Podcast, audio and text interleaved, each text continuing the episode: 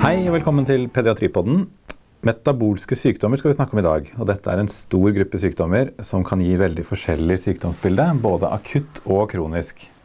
Når skal man tenke på disse sykdommene, og hva må man gjøre, og når? Og I dag har vi fått besøk av overlege Erle Christensen. Velkommen til deg. Takk for det. Har du lyst til å fortelle litt om din medisinske bakgrunn? Ja, jeg er barnelege og har jobba nå i tre år med metabolske sykdommer på Rikshospitalet. Jeg jobber til vanlig på nyfødtscreeningen og med metabolske pasienter. I år har jeg vært på metabolsk lab som et lite sidesprang. Et, et relevant sidesprang. Ja. ja. og hvorfor skal barneleger eh, bry seg så mye om metabolske sykdommer? Ja, dette er jo ikke folkesykdommer. Eh, men det er sånn at den samlete eh, forekomsten av metabolske sykdommer ligger på mellom 1 på 2000 til 1 på 5000. Det første er kanskje nærmest sannheten. Eh, og det er sånn at mange av disse tilstandene de er behandlbare. Eh, de kan være veldig akutte, og de kan være livstruende. Og den dagen man først står der med et barn som har en akutt eh, metabolsk krise, eh, da kan det faktisk redde liv at du tenk, har tenkt på metabolsk sykdom. Derfor. Ja. Godt svar. Men skal vi da starte med å si hva er metabolisme? Ja. Eh, en nevrolog vil sikkert si at hjernen er stjernen osv. Eh, for meg, når jeg tenker på faget, så er jo kroppen som en stor kjemisk fabrikk. Eh, det skjer jo titusener av kjemiske reaksjoner hele tiden inni cellene, inni de veldig velorganiserte organellene. Eh, og eh, den omsettingen av stoffer som skjer i kroppen vår, inni cellene, altså oppbygging av stoffer eller nedbryting av stoffer, det er metabolisme. Så det handler om stoffomsetting eller stoffskifte, rett og slett. Mm. Mm. Så hva er da en metabolsk sykdom? Hvordan får man det? Ja, hvis, eh, altså disse, de, alle disse kjemiske reaksjonene som skjer inni kroppen vår, eh, de er avhengig av enzymer for å kunne skje raskt og effektivt nok. Um, og hvis du tenker deg f.eks. at du har et stoff inni kroppen, et stoff som vi kan kalle A, og så skal det eh, inn i en celle og omsettes til B og til C og til D, så er kanskje det da et veldig viktig stoff for kroppen. Eller det kan være energi, rett og slett. Kroppen skal jo lage energi av, eh, av eh, fett og proteiner og karbohydrater som vi inntar, bl.a. Så er hvert av disse kjemiske trinnene er jo avhengig av et enzym for å kunne skje eh, raskt nok hvis, og, og, så er det sånn at disse enzymene de lager jo kroppen selv, og oppskriften det ligger i genene våre. Så et gen koder for hvordan, eller er oppskriften for hvordan kroppen vår skal lage et enzym. Hvis det er en genfeil i et bestemt gen som har å gjøre med et bestemt enzym, så klarer ikke kroppen å lage det enzymet. Enten ikke i det hele tatt, eller en dårlig utgave av enzymet. Da skjer ikke den reaksjonen. Eh, i like stor grad som den skal gjøre for at kroppen skal være frisk og fungere. Og da har man en metabolsk sykdom. Så er dette tilstander man er født med? Ja, det er det. Dette er jo arvelige tilstander. Um, og de fleste er autosomalt resessivt arvet. Dvs. Si at man må arve et sykt gen fra mamma og et sykt gen fra pappa. Men det er også noen av tilstandene som er dominant arvet. Noen er ekspunnet. Men selv jenter kan ha metabolske sykdommer som er ekspunnet. Eh, det kommer helt an på hvordan X-inaktiveringen i fosterlivet har vært. Og så er det noen som eh, har eh, sykdommer som er relatert til feil i det mitokondrielle DNA-et vårt, som vi arver fra mamma. Så det er veldig mange forskjellige steder hvor uh, metabolske sykdommer kan være? i kroppen? Ja, ja, altså disse reaksjonene skjer jo over hele kroppen. Sant? Eller flere steder i kroppen, og stoffene de sirkulerer rundt. sånn at det, det er klart at her kan mange eh, vev- og organsystemer affiseres. Og det er et eh, stikkord ofte ved metabolsykdom, nemlig at flere systemer er affisert. Ofte på en måte som man ikke tenker har en logisk sammenheng. Mm. Og hvilke aldre bør vi være mest mistenksomme på metabolsk sykdom, syns du? Hele livet, ja. Metabolske tilstander de kan debutere fra man ligger i mors liv og til man ligger på dødsleiet, nærmest. Eh, mange av tilstandene debuterer i nyfødtperioden. Eh, og det typiske for en del av disse sykdommene det er at man kanskje er født frisk eh, og holder seg fin og kjekk et par dager før man plutselig blir akutt og alvorlig syk. Eh, mens andre tilstander, altså til og med de samme sykdommene som kan hos noen debutere i nyfødtperioden, kan hos andre debutere i voksen alder. Og så er det noen av tilstandene som er mer kroniske, eh, som starter i småbarnsalder, og noen starter i voksen alder. Og så kan man til og med ha en metabol sykdom som aldri vil vise seg klinisk. Mm. Så ja, alle varianter er mulig. Så hvis vi starter med de nyfødte, ja. hva bør vi se etter, eller når, hvilke symptomer til et sykt nyfødt barn bør gjøre at vi tenker metabolske sykdommer? Ja, det er jo eh, særlig disse sykdommene som har å gjøre med intermediærmetabolismen. Dvs. Si hvordan kroppen vår omsetter Eh, de energirike stoffene, karbohydrater, fett og proteiner, de er de som typisk kan ha et sånt friskt intervall fra fødsel og til noen dager ut eh, i nyfødttilværelsen. Eh, det som skjer da, er jo at eh, barna har ligget i mors liv, og da har mamma fungert som en slags dialysemaskin, rett og slett. Hun har supplert barnet med de stoffene de trenger eh, og rensa ut eventuelle giftstoffer. Så blir barnet født, og så I løpet av de første dagene så er man gjerne katabol. Eller man begynner å innta noen av de stoffene man ikke klarer å omsette. Og da bygger det seg opp giftstoffer etter hvert, og så vil det komme en metabolsk krise. Mm. Så er det også noen tilstander som debuterer i fosterlivet. F.eks. Eh, enkelte krampetilstander. Eh, og hvor man kan ha alvorlige og intraktable kramper umiddelbart etter fødsel. Mm. Også noen av disse er behandlbare. Så det er kjempeviktig å tenke på metabolsk sykdom hos en nyfødt som har vanskelig behandlbare kramper. Mm. Men eh, de nyfødte den, eh, får, gjennomgår nyfødtscreening, de aller fleste. Mm. Kan vi være trygge på at det ikke er metabolsk sykdom hvis de har normal nyfødtscreening? Mm, nei, det kan man ikke. eh, nyfødtscreeningen den altså Man screener for 21 eh, alvorlige medfødte stoffskiftesykdommer eller metabolske sykdommer eh, som kan behandles. men dette er 21 av ca. 1500 til nå kjente tilstander. Eh, sånn at det er klart at det er svært begrensa antall. Det kan være andre sykdommer enn de vi screener for. Eh, og så er det sånn at til og med de tilstandene vi screener for, de kan debutere før man har svar på nyfødtscreeningen. Så det er kjempeviktig å ringe nyfødtscreeningen hvis man har et alvorlig sykt barn, og høre om eh, prøven er normal eh, forsikre seg om at den har kommet frem, og, og kanskje prioriteres, da. Um, og så er det sånn at screening er screening og har sine svakheter. Mm. Eh, og sensitiviteten er jo ikke 100 alltid. Mm. Hvis de nyfødte som da blir født og som får disse opphopningene av giftstoffene, der kan det jo gå ganske fort. De eldre barna, eller voksne også, hvor, hvilke symptomer skal vi se etter der? Ja. Eh, mange tilstander kan også debutere i løpet av spedbarnsalderen eh, etter nyfødtperioden. Da kan det være f.eks. at eh, barnet slutter å amme på natta, og at fasteperioden blir lenger, eller får sin første infeksjon. Altså disse tilstandene de kan gjerne vise seg når kroppen settes under press. Og da, nå er vi igjen på de tilstandene som har å gjøre med omsetting av fett og karbohydrater og proteiner.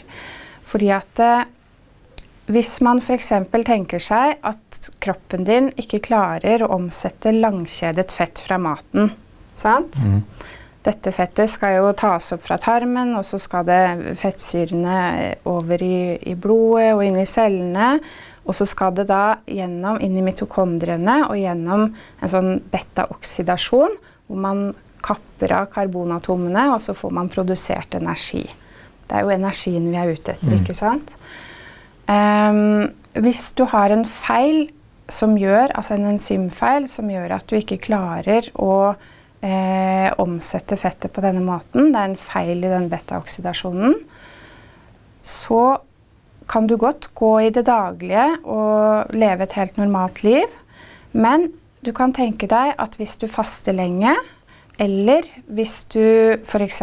får feber eller oppkast, ikke klarer å spise, så eh, blir du katabol. Dvs. Si at du begynner å bryte ned på ditt eget vev for å hente ut de stoffene du trenger eh, for å klare å holde energien oppe mm. eller lage de, det du skal, ikke sant. Eh, eller at du rett og slett krever mer energi.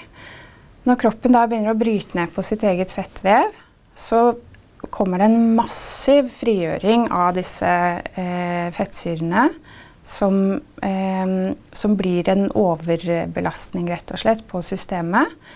Eh, og kroppen din klarer ikke å omsette det. Og så hoper det seg opp med giftige fettsyrer, og så får du ikke lagd energi. Da får du både en akutt forgiftning med disse fettsyrene, og du får en energisvikt. Og da, en, da, da har du en metabolsk krise. Mm. Det er en metabolsk krise når du får en sånn akutt forgiftning eller energisvikt. Mm. Det høres ut som man veldig ofte det kan være metabolsk sykdom. Når man kommer inn, bør vi da ta metabolske prøver på syke barn? Ja, altså hvis du har et barn som er altså, veldig sykt, alvorlig sykt, og du ikke har en god og åpenbar forklaring, så bør du ta metabolske prøver. Og så igjen så vil jeg jo si dette at hvis man har et barn som kanskje fra før da, er litt forsinket, eller har noe nevrologisk, eller har eh, redusert hørsel, og plutselig det tilkommer nye ting på en eller annen måte, mm. så bør man også kanskje tenke på metabolsykdom. Flere organsystemer eh, involvert, så bør man tenke på det. Og spesielt når det er nevrologi. Veldig mange av de metabolske tilstandene vil ha nevrologiske symptomer. Og det kan være progredierende også. Mm. Men noen ganger så er progresjonen langsom, og da er det ikke så lett å fange opp det. Mm. Fanges de ofte på at de får en akutt forverring, eller er det mer at det bare går lenge? Ja, det kommer jo an på hva slags tilstand det er, rett og slett. Eh, det er jo ikke alle metabolske tilstander som vil gi en sånn akutt krise. Noen er bare kroniske og langsomt progredierende. Mens andre kan være en kombinasjon av at de både gir kroniske symptomer og har disse akutte krisene. Mm. Uh, nå fikk jeg lyst til å gå tilbake til noe vi kanskje burde snakket om tidligere her, men siden det er så mange forskjellige tilstander, og de, noen gir forgiftningsbilde og noen gir kronisk forløp, er det noen måte vi kan klassifisere disse sykdommene på? Ja, Hvordan vi klassifiserer metabolske sykdommer, det kan vi gjøre på mange måter. Eh, men eh, man kan ha eh, tilstander som gir en eh, forgiftning, forgiftningstilstander. Eh, og det kan være både akutt, som ved en metabolsk krise, men det kan også være en kronisk forgiftning som går over tid. F.eks. ved følgingssykdom eller fenylketonuri, mm. Eh, så klarer ikke kroppen å omsette eller omdanne aminosyren fenylalanin til tyrosin. Og da hoper det seg opp med fenylalanin i kroppen, eh, som, og det er faktisk giftig da, for hjernen. I tillegg så blir det sånn at fenylalanin omdannes til en rekke andre stoffer som også er giftige. Eh, så får ikke kroppen lagd tyrosin. Og tyrosin er kjempeviktig. Det er bl.a. forløper til dopamin, sånn at det er jo eh, viktig i nevrotransmittersystemet, eh, da. Mm. Mm. Ja. Eh, og så eh, kan man ha tilstander som gir en akutt eller kronisk energisvikt, som vi snakka litt om.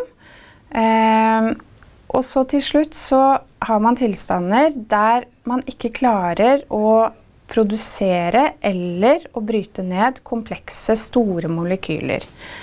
Disse sykdommene vil, de arter seg ikke med sånne akutte eh, manifestasjoner, men eh, gir et mer kronisk bilde, ofte med nevrologi. Eh, og man kan også ha avleiring av disse store, komplekse molekylene inni kroppens vev. F.eks. kan det gi kardiomyopati, eh, eller det kan gi hepatosplenomegali. Ja. Mm. Så hvilke prøver må man da ta hvis man får inn et akutt sykt barn, og du ikke kan utelukke at det er metabolsk sykdom, eller ting passer ikke helt? Ja, da kan eh, du ta en del prøver på din egen lab. Eh, så bare det å få starta med å ta blodsukker, det gjør jo alle barneleger i en sånn situasjon. Og hvis det er lavt, så vil jeg bare understreke at da bør man også måle ketoner. Mm. Fordi at om man har en ketotisk eller non-ketotisk hypoglykemi, det kan hjelpe oss i den videre sorteringen av hvilken, eh, hva som ligger bak en hypoglykemi. Da. Mm. Eh, disse fettsyrefeilene som jeg snakka om i stad, der klarer man jo ikke å omsette fettsyrene, og da klarer heller ikke kroppen å lage ketoner.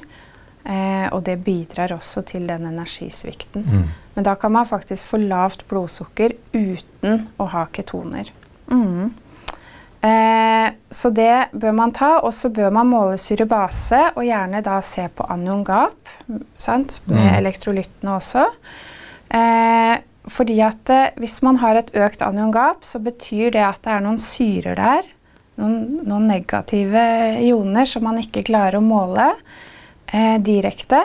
Eh, og det kan være organiske syrer som har hopa seg opp pga. en eh, stoffskiftefeil, en metabolsk defekt.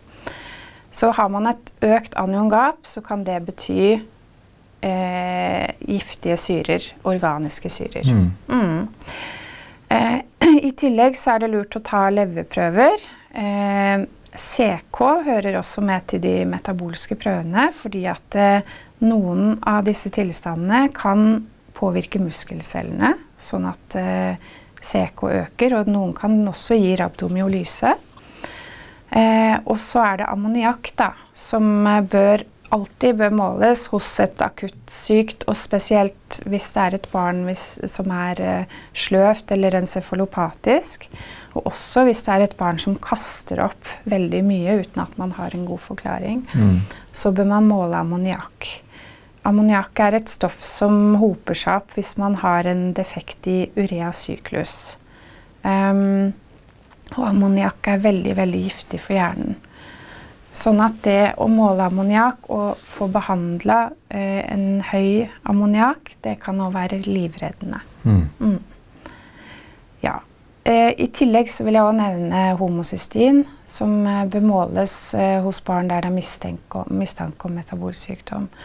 Kanskje ikke typisk med disse akutte forløpene, men der har man også enkelte tilstander som er behandelbare og som kanskje kan gi mer kroniske nevrologiske symptomer.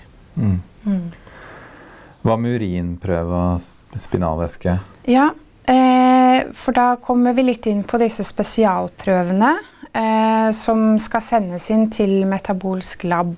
Eh, der eh, tar vi gjerne imot heparinplasma, serum, EDTA-plasma og urin. Det hører med til den grunnleggende metabolske screeningen.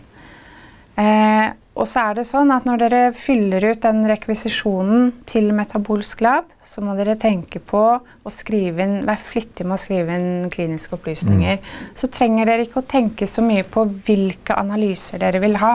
Det er det vi legene på laben som vurderer. Eh, så det er ganske godt å slippe det når man Mm. står i en akutt situasjon. Men bare pass på kliniske opplysninger og send inn riktig materiale. Mm. Hvis barnet skal spinalpunkteres, så send også gjerne inn spinalvæske til aminosyrer. Man kan også måle laktat i spinalvæsken, og det glemte jeg å si at det måler man jo også på sin egen lab Mm. som en sånn grunnleggende metabolsk analyse. Er det viktig å få tatt disse prøvene så tidlig som mulig hvis du får et sykt barn? Mm, ja, det kan eh, ha noe for seg å ta det raskt. Fordi at eh, mange av disse stoffene som hoper seg opp sant? Når man har en metabolsk krise, så er jo det fordi at det er masse av de stoffene i kroppen der og da. Og det er lettere å se det, det er lettere å måle det. Det viser seg tydeligere under den akutte episoden. Så det å ta, eh, ta prøver parallelt med å starte opp behandling, det er lurt. Mm.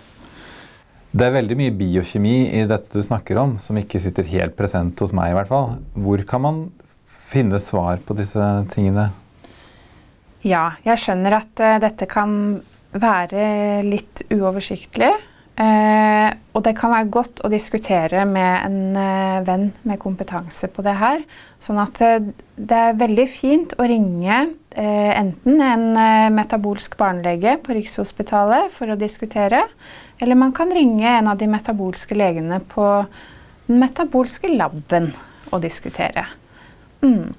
Og så har man jo også et kapittel i akuttveilederen som omhandler hvordan man behandler eh, metabolsk krise. Eh, og det fins andre ressurser også, bl.a. Eh, Vademecum metabolicum, som er en sånn liten eh, bok i lommeformat, der alt står oppsummert veldig greit og tydelig. Mm.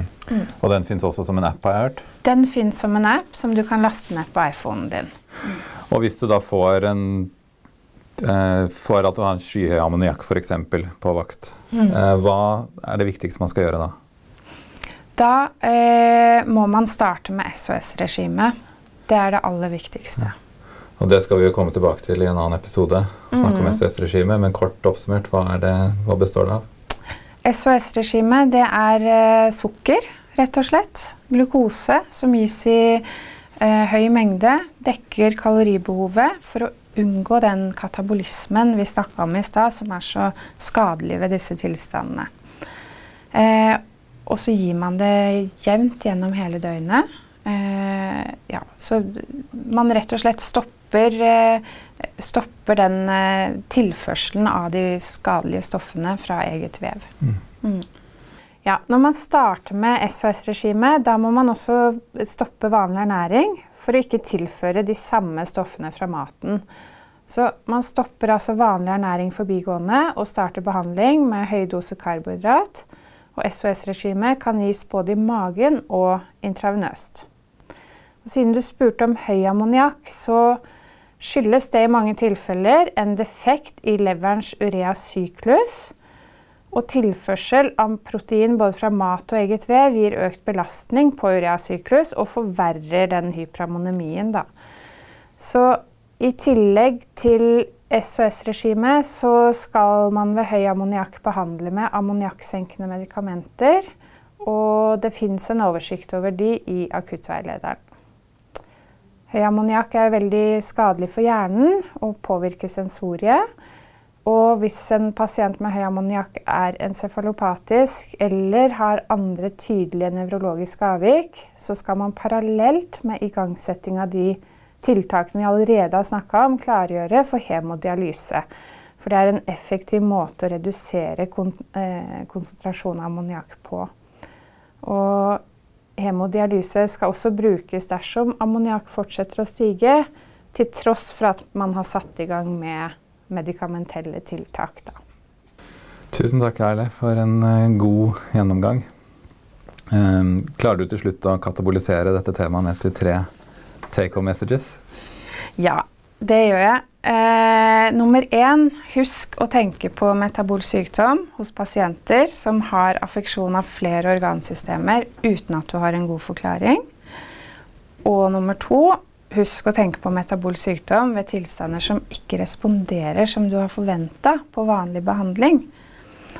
Nummer tre, når du sender inn prøver til metabolscreening, så send inn både heparinplasma, serum og urin, og gjerne spinalvæske hvis det er aktuelt. Og vær flittig når du fyller ut rekvisisjonen. Tusen takk for at du kunne komme, Erle Christensen. Takk for meg. Og takk for at dere har hørt på i dag også. Det er vi veldig glad for. Og dere finner oss nå på Spotify og iTunes og Podbean. Og vi, dere kan gjerne sende inn spørsmål eller kommentarer til pediatripodden at os-hf.no. Jeg heter Åsbjørn Østvik, og takk for i dag.